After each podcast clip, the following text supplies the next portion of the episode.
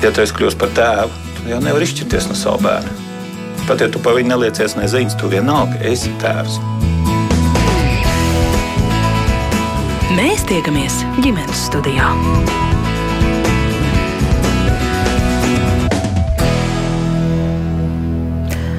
Labdien, redzījums ģimenes studijā sāk savu skanējumu. Jūs sveicināta producenta Sarmīta Kolāte, mans vārds ir Agnese Linka.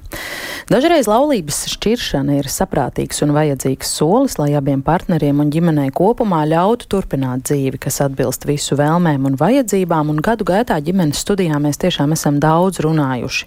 Arī par sarežģītiem šķiršanās stāstiem un gadījumiem tiesa gan visvairāk uzmanības tad veltot situācijām, nu, kad bijušo laulāto nespējas sarunāties iemesls dēļ visvairāk, protams, cieši bērni, bet vai un kā ir iespējams visiem iesaistītajiem mazāk traumatisks ceļš un vai vienmēr šķirot kopdzīvi ir iespējams saglabāt cieņpilnas attiecības, ja tā, tad kā to paveikt un norganizēt, par to šodien saruna ģimenes studijā, un tās dalībnieki būs sistēmiskā ģimenes psihoterapijas speciāliste Nancija Lībiete. Labdien! Labdien!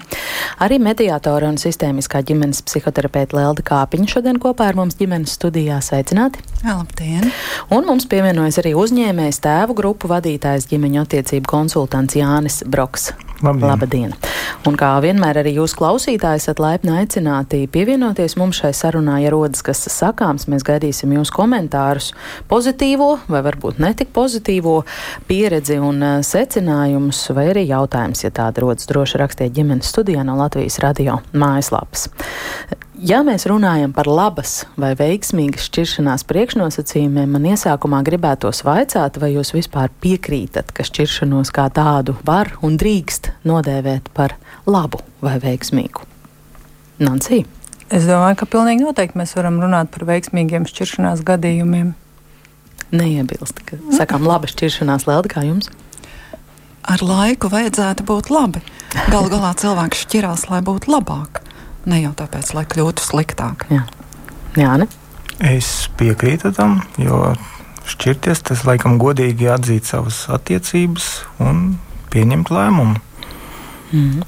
Kāda tad ir labas šķiršanās priekšnosacījumi? Viens otru uh, papildinot, mēs varētu salikt tādu sarakstu vai kopumu. Kurš, kurš gribētu sākt? Jā, nu varbūt jūs no otras puses nācijas pirms tam sākat. Uh, nu, man liekas, attiecības var salīdzināt ar dārzu, kuru jākop. Un jā, paša sākumā tas darbs ir veidots, par to pārdomāt, kā, kā veidot, kā kopt, un, un nepaliek tukšas vietas, kur radās nezāle tad arī šķiršanas, kā krīzes situācijā, tas ies daudz vieglāk un, un, un mazākām nu, tādām sekām. Vienīgi mēs jau nekad nešķiramies, tad, ja mums ir labas, harmoniskas, ļoti koptas un līdzsvarotas attiecības. Jā, nu, droši vien man pirmā asociācija, kas nāk prātā, ir, uh, ir vajadzīgs laiks, lai tā šķiršanās kļūtu laba. Uh, Un, no sākta tas... gala tas nekad tā nebūs. Nu, Uzreiz. Ne? Nu, tas mazliet man atgādina, nu, lai var būt skaistas bēres. Nu, var jau būt, bet nu, tā kā ir jāpieņem, ka tas būs sāpīgi, ka tās ir tomēr ciešanas, tas ir zaudējums, tas ir kaut kā nobeigums. Un, jā, tad, ja mēs iedodam tam vajadzīgo cieņu un, un, un tiešām izturamies pret abu pušu sāpēm, kā pret sāpēm, nu, tad droši vien ir iespējams to pārvarēt un no šīs krīzes iziet jau kā ieguvējiem. Jo nu, tas tiešām mērķis ir sasniegts. Mēs šķiramies tāpēc, lai būtu labāk. Mm -hmm. Mm -hmm. Es piekritīšu Leldē un varbūt papildināšu par to, kāpēc tam laikam varbūt ir jāpaiet un kāpēc ar laiku tā šķiršanās var būt laba, jo pie šķiršanās procesa ir ļoti dabīgi un atbilstoši, un es pat teiktu, kaut kādā mērā nu, nenovēršam, ka ir ļoti daudz spēcīgas emocijas, un to starp uh, dusmas un vainas apziņu un vainošanu un dusmošanās arī ir jebkura normāla šķiršanās sastāvdaļa. Un, ja mēs pieņemam, ka šajā procesā šīs sajūtas abām pusēm ir, tad ir dabiski, nu, ka tas process sākotnēji Nu, mums to ir jāpiedzīvo, mums tam ir jāiziet cauri, un līdz ar to kaut kādā posmā, lai cik mēs varbūt cieņpilni varam izturēties, nu, tās emocijas tur ir. Un tāpēc ar laiku tās emocijas ir imstās, mēs nu, tur atrodam to veidu, kā sadarboties, un tad jau ar laiku tā šķiršanās var būt veiksmīga. Bet ir kāds periods, kad ir ārkārtīgi grūti. Nu, līdzās tam, ka tās ir arī milzīgas sāpes, bet tās spēcīgās emocijas, kas ir tās dusmas, tur arī ir. Mm. Nu, tā. Nu, tas, ko es eh, sāku apkopot un izkristalizēt no jūsu teiktā, tā tad laiks, cieņa, emociju pieņemšana, kas vēl šo sarakstu varētu turpināt? Um, manuprāt, reizēm ir palīdzoši, ja mēs uh, atzīstam un saprotam, ka, kas te īsti notiek. Kā tiek šķirtas pārattiecības, bet mēs kā vecāki saglabājam šo lomu un šo funkciju. Un, ja mūsu vērtību sistēma vai vismaz vienam no pāri ir svarīga, nu, tā vecāka funkcija, tad reizēm šis augstākais mērķis saglabāt tās attiecības nu, labi funkcionējošas, cieņpilnas tieši bērnu dēļ palīdz noturēt to, nu, tās attiecības nu, tādā kaut kādā veselīgā rāmī. Uh, Reizēm tur ir kāds aizturēts dusmas, norīts kāds krupis, nepateikts kāds liekas vārds tieši tāpēc, ka mums ir jāvienojas par bērniem, vai mums ir bērniem jārāda, ka mēs kā vecāki spējam turpināt labi funkcionēt. Un tas ir ļoti palīdzoši, un tā ir svarīga komponente. Un manā praksē ļoti bieži nu, tieši tas, ka nu, ir bērni un ka ir jārisina šos bērnu jautājumus, tas ir palīdzoši noturēt tās attiecības nu, tādā veselīgā rāmī. Vai arī tieši tas ir tas lielais klupšanas akmens, kā mēs uh, aizķeramies. Jo tieši jautājumos par bērniem, par bērnu aprūpi, par uh, saskarsmes un uh, kopdzīves laika sadalījumu, tur tās. Uh, Nu, tās niknākās cīņas tiek, tiek izcīnītas. Un it īpaši vēl tad, ja mums kā vecākiem nav bijusi laba sadarbība jau oficiāli kā pāri mesot. Mm -hmm. nu, jā. jā, tad ir, mēs nonākam pie tās nu, tomēr neizbēgamības. Uh, Jo realitāte ir tāda, ka mēs esam izšķīrušies kā pāris. Kā Nācija tikko teica, bet mums ir jāiemācās beidzot sadarboties kā vecākiem. Un, ja mēs šodien nerunājam par tiem šausmīgajiem, un grūtajiem un sarežģītiem šķiršanās gadījumiem, tad pie labas šķiršanās mēs tomēr uzskatām tos gadījumus, kad vecāki prot pāriet no šīs nu, vīra sievas lomas uz mana bērna mātes man, man, un mana bērna tēva lomu. Un, un tad jau ir šī iespēja uh, nu, arī pateikties viens otram par to, ka vispār mums mēs esam tikuši pie tiem bērniem, pateicoties viens otram. Jā, un, un tas ir jā, tā vērtību sistēma. Tas ir tas, ko es arī esmu novērojusi. Ka, ja cilvēkiem ir svarīgi bērni, tad viņiem ir daudz, daudz, daudz vieglāk uh, nu, pārkāpt pāri tām savām personiskajām sāpēm, un bēdām un aizvainojumiem. Un, Un tā otru labā mēs esam gatavi darīt diezgan daudz. Tā ir skaitā arī nu, kaut vai meklēt palīdzību, lai izsērotu to pāri attiecību zaudējumu. Mm. Jā, nu jūs arī ievilkāt telpu, gribējāt ko teikt. Uh, man liekas, īpaši sākuma emocijas un jūtas padara mums ļoti impulsīvus. Un līdz ar to tā rīcība nevienmēr ir apdomāta un, un nevienmēr vērsta uz loģisku sadarbību. Un šeit ļoti palīdz noteikumi, tādi jauni noteikumi, kā jūs tikai tikko teicat, ka nav vairs kā vīrs un sieva, bet kā bērnu vecāki.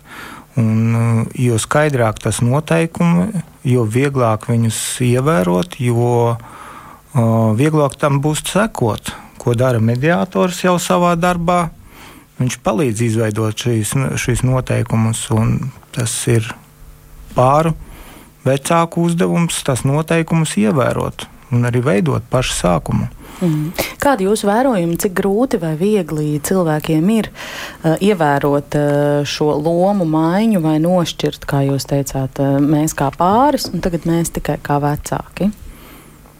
Sākuma fāzē to ir diezgan grūti, nu, jo tur ir ļoti daudz tās emocijas, joprojām nu, It sevišķi, ja kāds ir tiek pamests, un ja tā šķiršanās nav jau diezgan sen iezvanīta, un tas ir reizēm pēkšņi, jo tur ir kāds cits parādījies, tad, protams, ir ļoti grūti, nu, jo tās emocijas tiešām ir ārkārtīgi daudz. bet ar laiku nu, cilvēks apmierinās, nu, ka notiek tas, kas notiek, ka tas ir neatgriezeniski. Bet dažreiz tas var paņemt ļoti ilgu laiku un ļoti Jā. daudzu iesaistīto pušu arī uh, sāpes, teiksim, tā prasīt, ja mēs runājam par, par bērniem, ja cilvēki nevēlas patiesībā nošķirt un caur šīm vecāku lomām turpina, nu, projicēt un, un indas šautras viens otra virzienā, kā pret partneri raidīt, vai tā nav gana bieži izplatīta situācija? Jā, te nu, man liekas, paldies par šo.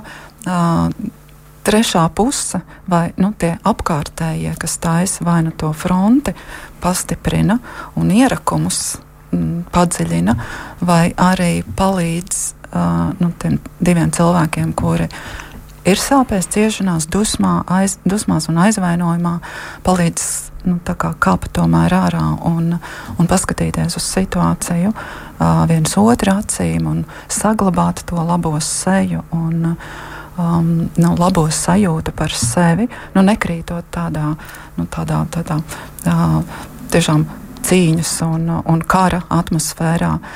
Tātad, jā, mūsu tuvinieki, draugi, um, reizēm arī advokātiem vai, vai vienkārši kādiem konsultantiem ir ļoti liela loma tajā, kā tālāk attīstīsies šīs attiecības uz karu vai uz mieru. Un, uh, jā, ja tur blakus ir tādi kārtīgi kūdītāji, tad varētu būt diezgan grūti no tā izkāpt. Un šeit ļoti svarīgi ir bērns, kur īstenībā viņš grib to ģimeni, viņš grib atgriezties tādā ģimenē, un īstenībā nu, nu, viņš būs tās arī kūdītājs, ka viņš gribēs gan mammu, gan tēti. Un viņš sapņos, un skatoties, kāda tā situācija, ka kaut kādu brīdi mamma teicis atgriezīsies un būs kopā.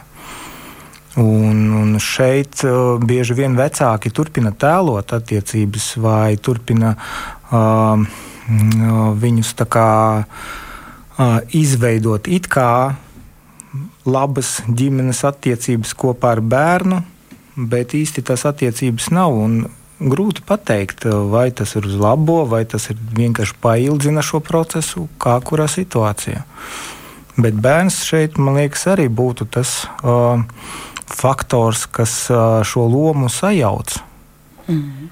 Un man liekas, ņemot vērā, ka bērniem ģimene ir bijusi viņu vienīgā sistēma, nu, kā, kādā viņi ir uzauguši. Tad viņi ir pieredzējuši to, ka mamma un tēvs ir kopā, un tā ir viņu nu, labākā aizsības forma līdz šim bijusi.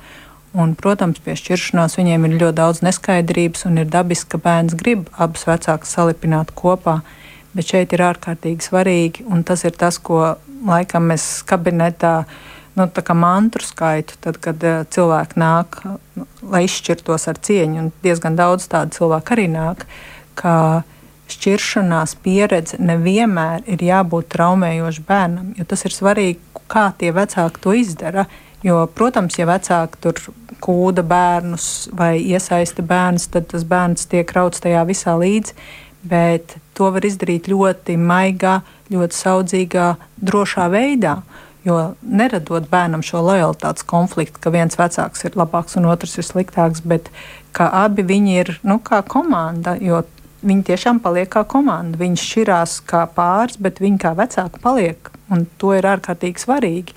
Un tas, ka bērns e, mēģinās tos vecākus salipināt, jā, tas ir, bet nu, šeit ir stāsts, ka pāris šķirās. Un, diemžēl nu, jāmāc bērnam to drošo veidu, kā pāriet jaunā veidā. Mm -hmm.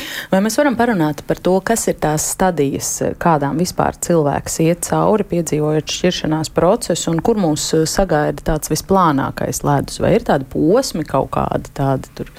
Mm, nu, teiksim, cik liela nozīme ir mm, vai izdošanās garants ir uh, tas, vai šis šķiršanās lēmums tiek pieņemts apusēji, vai tas ir uh, viena partnera vairāk iniciēts? Kā jūs teiktu? Ja kāds izlemj manā vietā, protams, man ir iekšējā pretestība. Un uh, reizēm pārim var diezgan ilgi iet, uh, diezgan grūti, bet uh, brīdī, kad kāds tomēr paziņo, ka vēlas pārtraukt attiecības, tas var būt ļoti šokējoši tam otram cilvēkam. Pat ja tās attiecības sen vairs nav ne tuvu labas, ne tuvu funkcionālas. Un dabiski, kā notiek nu, iekšējā pretestība, uh, noliegums, un tā ir viena no tādām nu, procesa sākuma fāzēm. Šajā noliegumā mēs diezgan daudz varam nu, uzturēties kā pāri, un kaut kādā mērā tā ir laba fāze, jo tāpēc, ka tajā brīdī, kad kāds pasaka, visas grib šķirties, vēlmē saglabāt attiecības, reizēm daudz kas tiek pārvērtēts, un reizēm tieši tāpēc, ka ir tas iekšējais noliegums un nevēlēšanās šķirties, tiek meklēti terapeiti un visādi cita veida speciālisti. Viskaut nu, tiek iedarbinātas kampaņu veidīgas visādas. Uh, lietas, lai šīs attiecības saglabātu, un reizēm izdodas. Jo tieši tā, tajā brīdī, kad es saprotu, ko es varu zaudēt, es pārvērtēju, vai viss tas, kas man līdz šim ir bijis, nu, pats par sevi saprotams, tiešām ir pats par sevi saprotams, vai viss tas, kas man ir bijis nu, ļoti svarīgs, nezinu kā nedēļas nogaltā es dodos tur, nezinu, nevienu negribu aizskatīt no medībām, vai es nezinu, tur uz uh, jogas retrītu. Nu, kas reizēm ir tā, ka uh, tas ir tāds nu, hobija pavadīšanas veids, viens no konfliktiem, tad to piešķiršanās, nu, tā paziņošanas, jeb ka kāds grib mani pamest, tad tajā brīdī mēs to varam pārvērtēt. Tad tā ir tā viena fāze, kas nāk pa labu tas nevēlēšanās šķirties, nevēlēšanās piedzīvot nu, visu to, kas varētu notikt. Mm. Lelda? Tad man ir jāiet pie otras fāzes. Un, uh, un, un pēc uh, mēs nu, klasiski sakām, nu, tāda, tādā zaudējumu vai sēru stadijā, tad nākamā fāze ir dusmas. Un uh, es laikam turpināšu to, ko Nancy teica. Arī tā ir laba fāze, jo dusmās, jā, mēs varam, protams, sarunāt lieku, mēs varam varbūt vēl vairāk nu, sāpināt vai ievainot otru, bet šajā, šajā brīdī mm, nu, tā ir tāda enerģijas ra radoša fāze nu, tas mobilizē mūsu spēku. Un vispār jūs zināt, ka dusmās mēs varam diezgan daudz ko izdarīt. Arī tādu, kas varbūt iepriekš likās nu, galīgi neiespējami.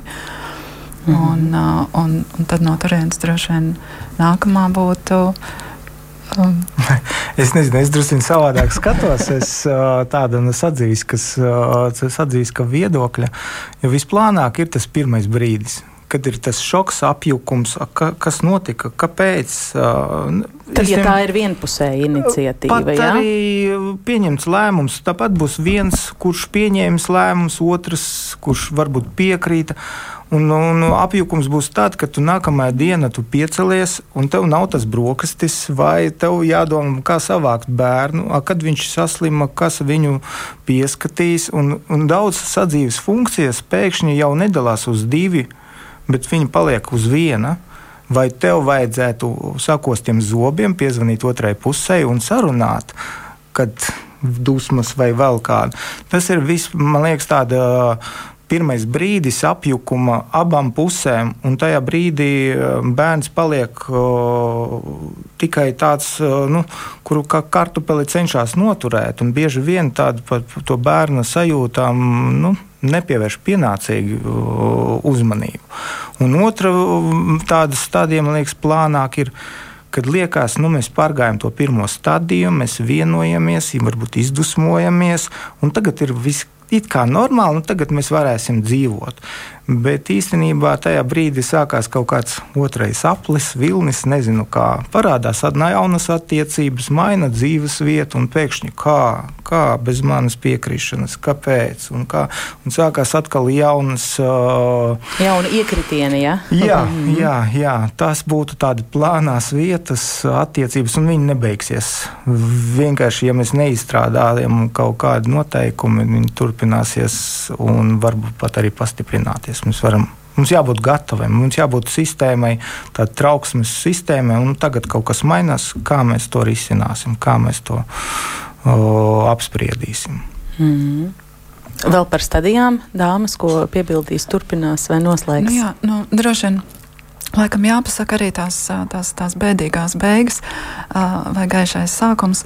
Tad, nu, tad, tad kad cilvēki ir nu, bijuši dusmās un vainojuši sevi un viens otru un visu apkārtējo pasauli, un tad ir arī kaulējušies vai mēģinājuši atgriezt bijušo, un, un varbūt pat samierinājušies, ka nu, šitā varētu būt, vai tomēr nu, tagad es tiešām katru dienu nesīšu tā brokastis vai, vai, vai izņemšu bērnu, un, un atkal mēs tomēr nonākam pie tās nu, pie tās neiespējamības. Nu, nē, tur nekas nav darāms, un tomēr tā šķiršanās ir neizbēgama, un ar to nākas samierināties. Tad pirms tādas samierināšanās un jaukās dzīves nu, ir jāpieņem arī tās galīgās sēras un tās asaru kausi, kas ir jāizrauda. Gribu vai negribu. Un, un, tad, un tad tā var teikt, ka patiešām šis zaudējums ir izsērots Un, un tad jau parādās tas cerības stariņš, ka, nu, jā, varbūt, tomēr var, ne, tā jaunā kārtība, viņa varbūt arī nu, tāda reāli iespējama, pieņemama. Uh, trakums ir tas, ka šīs stadijas nu, katram var būt citā laikā. Visbiežāk tas cilvēks, kurš pasaka otram, ka es gribu šķirties, viņš jau šeit viss ir izgājis un viņš jau dzīvo tajā jaunajā, nu, tā gaišajā nākotnē. Sākumā, jā, jaunajā. jā. Un, un tad tam, kuram pasaka, tad viņam tā kā viss šis ir jāpiedzīvo. Un tad, kad abi vecāki ir nu, izdzīvojuši un pieņēmuši tā tiešām būs, nevajag aizmirst bērnus. Arī bērniem tad, kad bērniem paziņo, ka vecāki ir nolēmuši šķirties, ir jāļauj piedzīvot visu šo pašu bagātīgo emociju gāmu un ļaut arī bērniem izsērot. Protams, viņi nezaudē tēti un māmu. Būs vecāki, būs un paliks. Bet viņi zaudē to ģimenes, nu, to ierasto. Nu, Vislabāko, viņiem -hmm. vislabāko, līdz šim vislabāko modeli, cerību, fantāziju.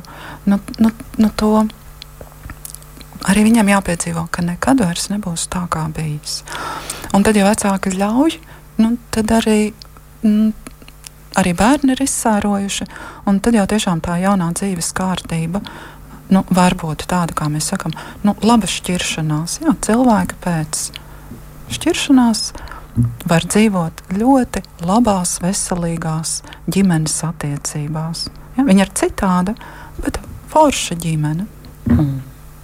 Nācija vēl kas piebilstams kolēģi teiktiem pagaidām. Es domāju pie sevis par to, ka cilvēki pēc temperamenta ir ļoti, ļoti dažādi. Un vai vienmēr tas, ka mēs tā varbūt teorētiski uh, apzināmies nu, tās dažādas stadijas, tur dusmas, vainošana, kaulēšanās, tad sēras un beigās ir smagās beigas, kas varbūt vainagojas arī cerams ar gaišo sākumu. Vai ar to pietiek, ka mēs to zinām, ka mēs to kaut kur izlasām vai noklausāmies radio raidījumu vai podkāstu par šo tēmu? Uh, vai tas vienmēr, nu, to būs iespējams realizēt arī mm, salāgojot ar savu temperamentu, ar varbūt kaut kādu to attiecību fonu un, un, un izveikt to labo šķiršanos. Vai ar to ir gana? Tas negarantē, ka tā šķiršanās būs veiksmīga, tāpēc ka es zinu, kad ir šie posmi un tā tālāk. Bet tas, ka es zinu, vai ka man ir šāda informācija, tas reizēm ir palīdzoši. Jo nevienmēr, kā arī Lelda ļoti precīzi teica, nu, tie dažādie attīstības posmi šķiršanās procesā mums ir atšķirīgi. Kā es citreiz saku, viens ir uh, jau Rīgā, otrs vēl Ņujorkā. Nu, mm -hmm. Tās laika zonas mums ir atšķirīgas. Un tad, ja es zinu, ka tas process paģēra to, ka tās emocijas tur būs ārkārtīgi spēcīgas, tajā brīdī, kad es redzu, ka otrs tur, tur ar putām uz lūpām ir dusmīgs vai man vainojošs, un es šajā brīdī varbūt neesmu gluži tieši tajā pašā emocijā, es spēju neiekāpt tajā karuselī reizēm. Protams, mans temperaments varbūt padarīs par iespējamu, ka es vienmēr ieiešu Bet no otras puses, reizēm, ja es zinu, kas ar to cilvēku notiek, tad es varu nu, ļaut viņam izplosīties. Vai nevienmēr es ieiešu tajā trakumā, tieši tāpēc, ka tā vērtības sistēma man ir bērna, un es aizturēšu tās dusmas. Kaut gan tas, ko man otrs saka, tas vienkārši šķiļ mani.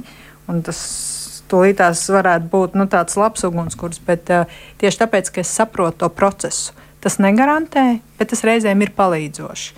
Un tieši tāpēc, ka pēc definīcijas tam spēcīgām sajūtām ir jābūt un no viņām nevar izbēgt, cik vien ātri iespējams, ir ārkārtīgi noderīgi, ja mēs vienojamies par rāmu, kādā mēs sadarbosimies, kas jau mm. šeit arī izskanēja. Mm. Jo, ja mēs par to nevienojamies, tad uh, tas ir vēl papildus iemesls, vēl papildus diskusijām, dusmām un vainošanai. Nu, piemēram, ļoti bieži pāri sākotnēji nešķiras, bet mēs padzīvosim atsevišķi Tad ko tieši nozīmē padzīvot atsevišķi? Vai tas nozīmē, ka mēs joprojām esam attiecībās un šo laiku izmantojam pārdomām, atpūtai vai restartam, vai arī mēs padzīvojam atsevišķi, un tas nozīmē, ka mēs ejam uz to šķiršanos, un ka šī brīdī mēs katrs sākam uzvesties kā nu, brīvi cilvēki. Liekam savus uh, profilus, taisam Tinderī un tā tālāk. Un, ja šis nav atrunāts, tad tas nozīmē, ka tas var būt vēl viens iemesls jaunai diskusijām, jaunām, jaunam konfliktam, dusmām un vainošanai. Vai arī, ja mēs izšķiramies un neesam atrunājuši, vai uh, mans jaunais draugs vai tava jaunā draudzene drīkst tikties ar mūsu bērniem, vai drīkst palikt tajās ma otrās mājās pa nakti, tad, ja mani bērni tur būs. Un, ja šo neatrunā, tad uh, tas atkal var būt milzīgs iemesls spēcīgām dusmām, vainošanai un, un, un, un līdzās jau tam, ka tas process mm -hmm. paģēra to. Jā. Nu tā, tā kā tas rāms ir ārkārtīgi noderīgs. Bet, protams, par to vispār vienoties ir grūti. Cevišķi tad, ja tur ir daudz tās emocijas, tad tur var nu, izplūkties pamatīgi. Visu kaut ko var mēģināt sarunāt, Jā. bet neizdodas jau parasti, kā, kā ir dzirdēts. Ieva raksta, ka pēc šķiršanās nevajag sevi steidzināt, atgriezties normālā dzīvē. Viņa liek pēdiņās, ir jāļauj lēnām visam iziet cauri un dzīvot stundu pa stundai, kas ir ļoti sāpīgi, bet godīgi pret sevi. Un vēl kāds klausītājs eh, jautā, cik ilgi ir saprātīgs sēru periods pēc eh, šķiršanās. Man satrauc draudzene, kurai jau divus gadus skumst un sāp. Ir iespējams definēt tādu laika rāmi. Lelda? Nu, droši vien mm, es laikam tomēr pieturēšos pie tā, ka ģimenes partneri zaudējums ir svarīgs, būtisks, nozīmīgs zaudējums. Un, un, ja mēs esam dzīvojuši kopā 5, 10, 15, 20 gadus, tad šķiršanās sēras nu, nozīmē izdzīvot vēlreiz vismaz vienu gadsimtu. Nu, katrus šos gada punktus, pirmā dzimšanas diena bez tevis, sieviešu dienu, uz kuru man neviens neatnesa ziedus. Vai pirms tam jau Valentīna kartiņa nebija. Un, un lieldienas, kur mēs nezinām, kā tagad bērnus sadalīt. Un pirmā reize, kad mēs vispār saprotam, tad kurš krāso olas un, un kurš, kurš ved uz šūpolēm. Un Jāņus pie maniem vecākiem, vai turpat, kur vienmēr pie taviem vecākiem, vai varbūt nu, tie draugi, pie kuriem mēs bijām. Ja nu tā kā visus tos, un tad līdz tam pašiem atkal Ziemassvētkiem un jaunam gadam, un atceramies, kā tas bija, ka tu man pirms Ziemassvētkiem šito pateici, un atkal paraudāt. Un, un tad jau visticamāk, nu, vajadzētu būt, ka nu, jau gan ir izsērots. Gads Bet, būtu tāds optimāls laika nu, posms. Manu droši vien vajadzētu. Jāni? Nu, jā, tas viens vēl viens. Tad tie svētki, tas ir bērnu dzimšanas dienas, divas dzimšanas dienas. Vienā ģimenē, otrā ģimenē. Vet, viena vecāki apsveic, otra vecāki vai ģimenes draugi. Tas arī vēl viens tāds uh, atslēgu posms. Bet īstenībā atbildot uz šo vai divi gadi pa garu, es domāju, ka varbūt cilvēks bauda savu, savu sevi. Un attiecības ir tādas, kādas vēlās. Un kāpēc nē? Un kas saka, ka viņi sēro vēl divus gadus? Savu gadu izsērojas, un tad dzīvo tā, kā grib tagad. Neviens neietekmē, neviens nespiež. Anci? Jā, es arī piekrītu Leldai, ka pilnīgi noteikti pirmais gads ir tāds būtiskākais sērošanas gads, jo tiešām iziet visiem svētkiem cauri visām tām pirmreizējām pieredzēm bez tā otra cilvēka. Uh, Tālākais ir ļoti atkarīgs no katra cilvēka individuāli. Eh, protams, ja man kā draudzenei novērojams būtu, ka mans tuvinieks, nu, mans tuvais cilvēks, tas mans draugs iet kaut kādos apļos, tad varbūt es nu, rosinātu, ka varbūt vajag meklēt kādu, kas palīdz no tā apli iziet, jo tas tā kā sanāk pa centrafūgu. Bet visādi citādāk, kurš gan var pateikt, cik ilgi man vajadzētu sērot? Ja man sāp sirds, tad man sāp. Varbūt es biju ļoti pieķērusies. Varbūt man, nu, tā mana nēra sistēma ir tāda, kas nu, tik viegli ar šito netiek galā. Nu, tur ir ļoti daudz komponentu, jo nu, šķiršanās pieredze, tā ir tāda ļoti milzīga krīzes pieredze. Tas vienmēr uh, var satricināt ne tikai to, to, nu, to ģimeni, bet tas var skart manas spējas strādāt un tā tālāk. Tā, tā. nu, tur ir ļoti sarežģīti. Līdz ar to uh, Pilnīgi noteikti tas var aizņemt gadu, un es saprotu, ka tagad kāds klausās, ak, Dievs, man tagad gada būs jācieš. Nu, tas nav, nav jau visu laiku tas gads tāds intensīvs. Tas ir tā kā pa viņiem, vai ne? Jā, kā pa viņiem, kā ir tas U veida tā, tā, tas grafiks, nu, kā mēs ejam cauri tam šķiršanās procesam, un parasti nu, cilvēki, kad šo redz, cer, ka tā ātri mēs tiksim augšā, bet tas process var notikt šitā. Pa to U-veida, to, to, mm. to grafiku. Nu, šurp turp vienā brīdī es esmu pieņemoša, es samierinos, ka tā ir noticis, ka mēs šķiramies, un tad atkal kaut kas notiek, un tas man sašūpo, un es atkal skumstu, un es atkal uh, vainoju sevi vai otru. Nu, tas process nav tāds lineārs. Bet uh, tam nav jābūt obligāti gadiem ilgi.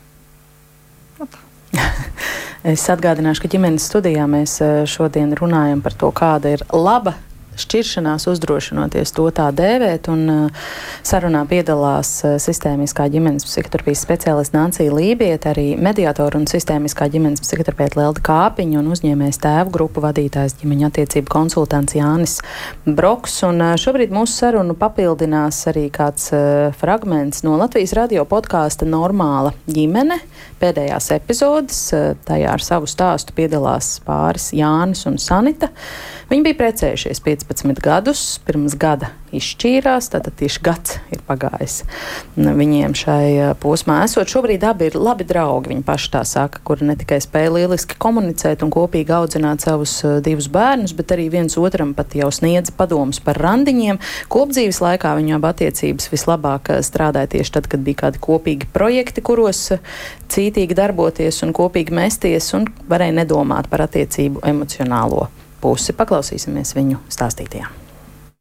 Tas, ko es sapratu, kad mēs jau šķirāmies entās nosacīt reizes, vai nu, par to runājām, kad ir jāšķirās, es arī lieliski sapratu, ka kamēr Jānis šo lēmumu pats nepieņems, tikmēr nekāda šķiršanās nebūs. Es varbūt jau biju gatava. Jūs sen bijāt gatava? Es biju sen gatava, bet Jānis nebija ne. pieņēmis un akceptējis šo lēmumu. Un, uh, tas kā bija naktī, Jānis pamodināja un teica, viss mēs šķiramies. Protams, tajā mirklī bija šoks iestājās. Es aplieku ar augstu ūdeni. It kā tu to gaidīji, vai tu to cerēji sagaidīt beidzot, bet vienalga šoks un, un neizpratne, ok, kā tālāk.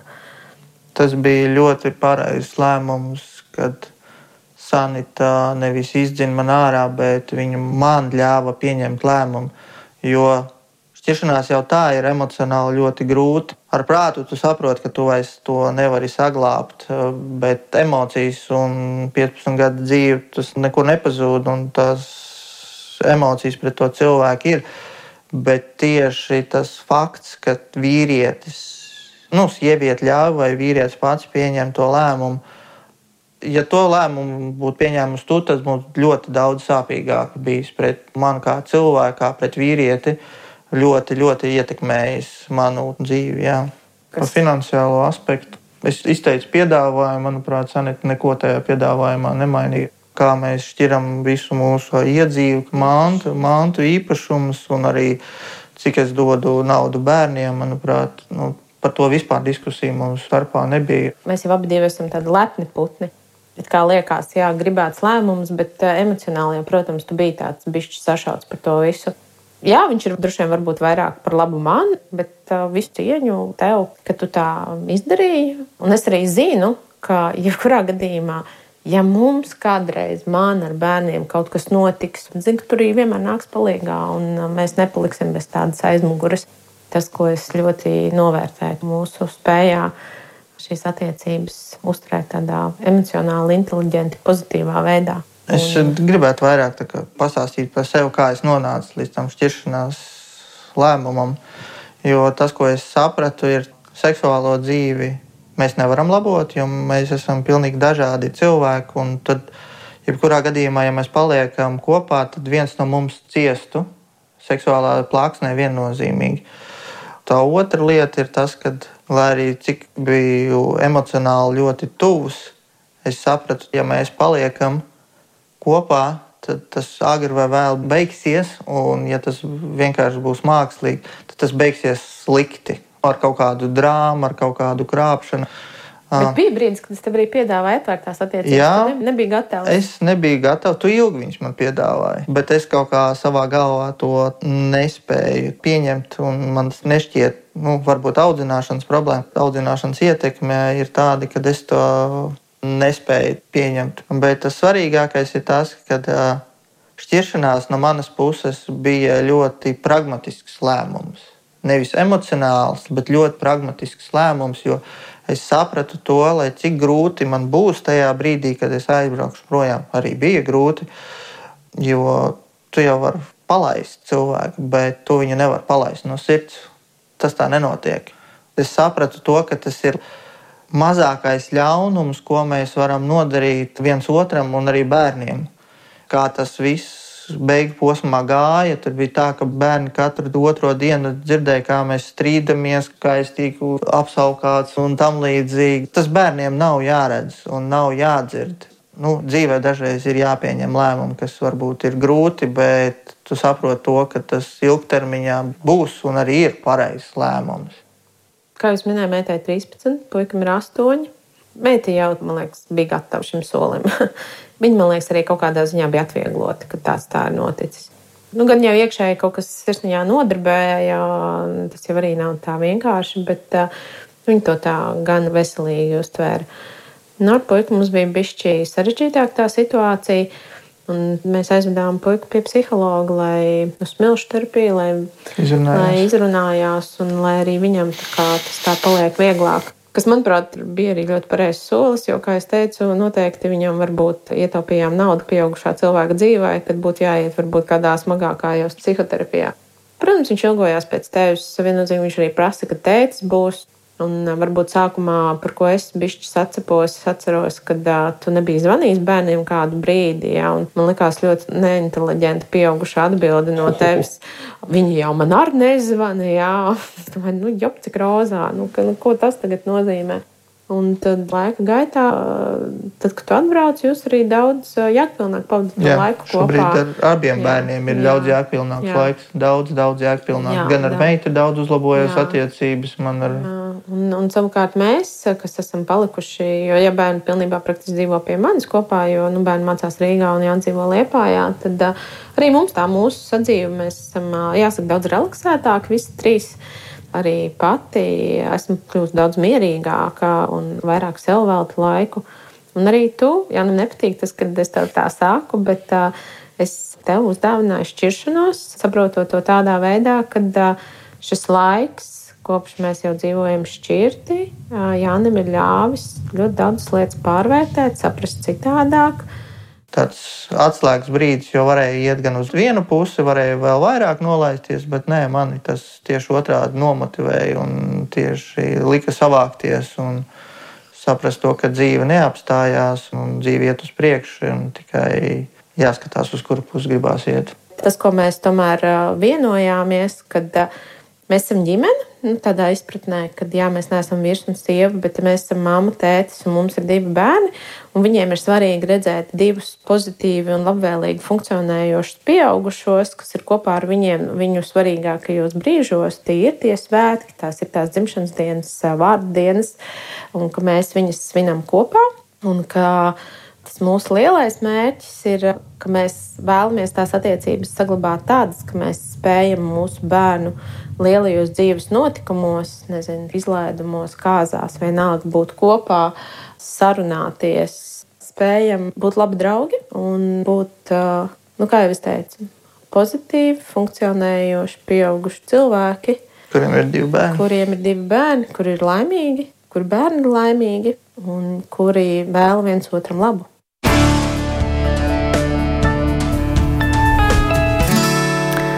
Tāds lūk, Jāņa un Sanitas stāsts uh, fragments. Tikai fragments, protams, konteksts ir plašāks. Uh, fragments no podkāsta normāla ģimene. Kā jūs teiktu, ko tas mums uh, demonstrē?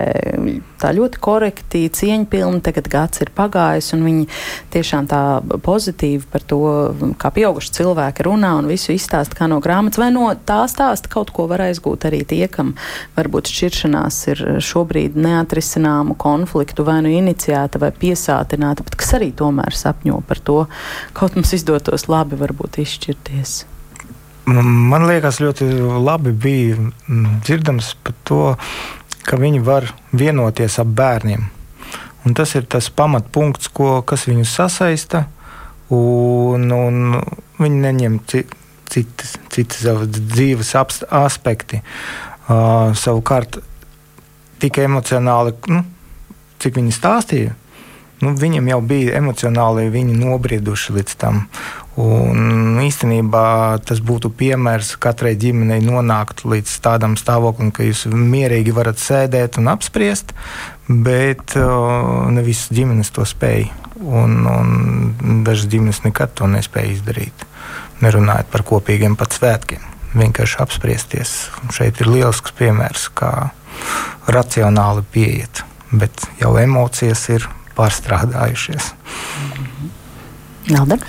Jā, man uh, likās, klausoties, uh, ļoti svarīgi, ka tie ir divi cilvēki, kuri ciena viens otru un uh, pieņem arī viens otrā nepilnības un negaida viens no otrā neiespējamo vai nu, to, ko es vienmēr esmu gaidījis un neesmu sagaidījis. Un tā tāda pieņemšana ir notikusi, nu, man vismaz likās. Un tas ir palīdzējis. Tas ir palīdzējis katram no viņiem izveidot labāku dzīvi, labākas attiecības ar bērniem, labākas savstarpējās attiecības. Jā, nu tādas um, iegu, attiecības kā ieguvums pēc šķiršanās. Uh mhm. -huh. Nancy, par ko tu domā? Es vēl papildināšu, ka, manuprāt, klausoties šo stāstu, tas var būt kā cerība kādam, ka kaut kādā brīdī tas varbūt var notikt, ka tās attiecības nu, kļūst tādas normālas. Un šeit arī ieskanējās, ka tēvam ir lielāks kontakts vai labāks kontakts ar bērniem. Un tas ir tas, kas ļoti bieži notiek. Kā pēc šķiršanās, tā kā šķiršanos, tā kā ir abiem vecākiem nu, kaut kādas saskarsmes tiesības, kaut kāda tur tikšanās un tā tālāk, tad ļoti bieži. Um, bez dzimuma, bet tomēr ļoti bieži ir tās situācijas, kad uh, tēvi ir kaut kā procesā atslābuši. Nu, tad, kad viņi ir bijuši ģimenē, bet savukārt pēc tam, tad, kad izšķirās, tad viņu attiecības ar bērniem patiesībā veidojās daudz kvalitatīvākas, nu, daudz uh, nu, kā šeit Jānis teica, jā. jēgpilnāka jā. laika pavadīšana. Jā, tāpēc, ka nevis tu pieņem, jā. ka tas bērns tur mājā kaut kur ir un tas jau ir pietiekami, bet tu sāc veidot kontaktu. Tu mērtiecīgi tajā tikšanās reizē domā, ko mēs darīsim, tas sarunas ir ļoti nu, pārdomātas, ja tā varētu teikt.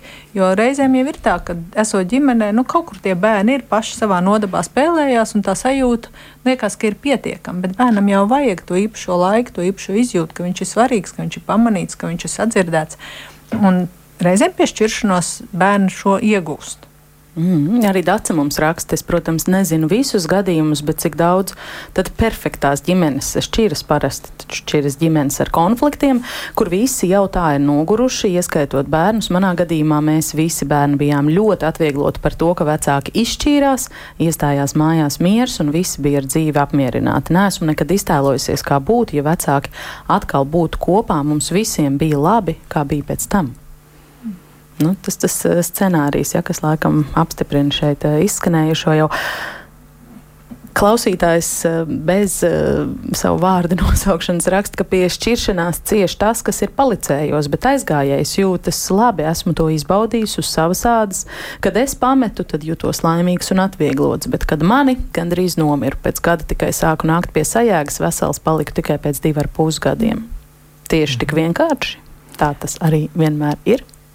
Nu, tā apziņa, ka mana pamata noteikti ir sarežģītāka un grūtāka nekā tad, ja es izlemju. Jo nu, pat ja mēs abi esam līdzīgās izjūtās, ka šīs attiecības eh, nekur neved vai ka mums vajadzētu šķirties, tas, kurš pasaka to, to gala lēmumu, tomēr kaut kādā mērā pirmais izdara to soli. Reizēm tas nu, šķietam ir vieglāk. Lai gan vienlaikus es gribētu arī apgāzt šo pieņēmumu, jo reizēm sāp ļoti arī tam otram vienīgā nu, tam, kurš ir tam, kurš ir prom gājējis. Bet reizēm viņš ir tās emocijas izdzīvoju, izdzīvojis lielā mērā vēl esot attiecībās, un tāpēc šķietam liek, liekas, ka viņam ir bijis vieglāk. Viņš vienkārši ir jau nākamajā stadijā jā. vai nākamajā fāzē, jā. Ja, kā mēs runājām. Jā.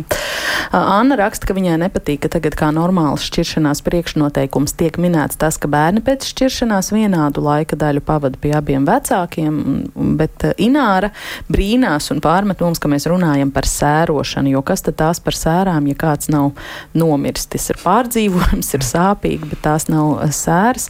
Savukārt Edīte uzdod ļoti interesantu jautājumu, ja aktualizē tādu aspektu. Viņa raksta, ka viņai liekas svarīgi atcerēties, ka šķiras nevien pāris, bet vēl daudz citi ir bijuši kopīgi draugi, vecāki, visi citi radinieki, un nereti ar šiem sekundārajiem iesaistītajiem ir problēmas. Kā turpināt būt labā komunikācijā, piemēram, ar šķirtā vīra māti? Ļoti plašs jautājums. Varbūt kā atlikušajās minūtēs pat nepagūsim, bet nu, varam es, mēģināt. Es centīšos. Uh, tas ir ļoti svarīgs aspekts, uh, jo ģimenē kopā mēs neapzināti dalām kaut kādas funkcijas. Viens midzina bērnu, otrs no rīta pa pamodina labāk, viens atbild vairāk par disciplinators ir ģimenē, cits mierinātājs. Un kad izšķirās, tad katram vecākam jābūt tam visam. Un tas varbūt neierastas viņu lomas. Un, Bet par to vīra māti, kā palikt tādā attiecībā. Šeit ļoti labāks. svarīgi tas, kā te, te, te, te tik daudz, daudz iestājās faktors, ka īstenībā, ja mēs runājam ar bērnu, pa bērnu, bērns dažreiz jūtās, ka viņš ir starp diviem, diviem karaspēkiem. Un man ir viena puse, man ir otra puse. Ja es stāstu, ko mēs darījām pie mammas, tad es tā kā, kā viņu nododu. Un, un otrādi. Un tad sanāk tā, ka bērns aiziet nu, vienā pelēkā zonā, un otrs nezina, un otrs. Un tad arī, arī tā, tas pats ar radiniekiem. Un šeit ļoti svarīgi, kā visi kopā pieņem to. Vai viena puse ne, neuzskatīs to kā no, nodevību, kā, kā tu runā ar mammu, ma, mammu, tu gribi kaut ko izzināt, tu gribi kaut ko dabūt. Ja mēs redzam, kā šeit bija tas piemērs ģimene, kur jau labas attiecības, emocijas nav tik uh, karstas, tad tas viss labi darbojas. Bet, ja emocijas karstas, tad, tad tas īsti tikai uzkurinās, tas mm. tikai traucēs. Jā, es varbūt, ja drīkst, Jā, protams. mazliet par to vīra māti vai sievas māti, kas pēc šķiršanās, ja mēs atkāpjamies no vīra lomas un sievas lomas, uh, Mums jāpaliek tikai mūsu mīļo bērnu, mīļās vecmāmiņas un vectētiņa. Uh mhm. -huh. un, un tad jau tā ir pilnīgi cita, attiecība, nu, pilnīgi cita veida attiecības. Ja mēs skatāmies uz to savu bijušo vīra māti, kā uz savu bērnu, vecmāmiņu. Un, un ir lietas, ko mēs varam ietekmēt, un ir lietas, ko mēs nevaram ietekmēt. Pilnīgi noteikti mēs varam izvēlēties, kādā veidā mēs uzrunājam to savu bijušo vīru māti vai, vai bijušo sievas māti, un kā vē, mēs veidojam attiecības, cik viņa būs dusmīga uz mums. Ja tīpaši, ja mēs esam pie šķiršanās vainīgi, viņas prāta, nu, tad arī viņai jādod ir laiks, lai, samie, is, lai pieņemtu zaudējumu un samierinātos. Mm -hmm. Nācija papildinās vēl ko šeit? Es absolūti piekrītu, ka tieši tā, tāpat kā vecāki kļūst tikai par vecākiem un vairs nav pāris, tad tur vairs tiešām nav sievas mātes, vīra mātes un tā tālāk, bet tur paliek uh, vectētiņi un vecmāmiņas. Un tā patiesībā reizēm arī ir laba iespēja uzlabot attiecības. Bet, protams, kā Lelda minēja, ir jādod laiks arī šiem cilvēkiem, jo arī viņiem ir visi šie procesi, visas tās pašas sajūtas, ko piedzīvo partneris šķiroties. Un vēl papildinot, ka mēs tā jocīgi runājam par sērām, jo neviens taču nav nomiris. Mēs runājam par partneru attiecību nāvi. nāvi tā kā kaut kas mm. ir nomiris. Vai pavisam īsi varat ieskicēt vai varbūt dot kādus padomus? Es saprotu, ka nav ne zelta recepts, ne burvju nūjiņas, bet kā ir ar situācijām, kad laulības šķiršana pamatā ir tās smagās problēmas, atkarības, vardarbības? Kur tad meklēt palīdzību? Es skatos uz Lelu, jo tajā brīdī, tad, kad ir daudz emocijas un paši cilvēki vairs netiek galā, tad noteikti ir jāmeklē kādu, kas ir vidutājs, kāda trešā persona, kas var to procesu novadīt. Un uh, kolēģe Lelde ir viens no tādiem cilvēkiem, kas palīdz. Un, un šito bumbiņu es labprāt nestu atpakaļ Nansijai, tāpēc, ka uh, mēs klasiski uzskatām, ka jā, tieši tas, ko, ko Agnes teica, vardarbība, atkarības uh, vairs nav nu, diezko jauks nu, tāds uh, mediācijas gadījums, tāpēc, ka tās puses nav līdzsvarā, viņas īsti nav. Nu, tā, tur nav tas adekvātais abu pušu um, spēja ab, abām pusēm iesaistīties un kopīgi pieņemt lēmumus.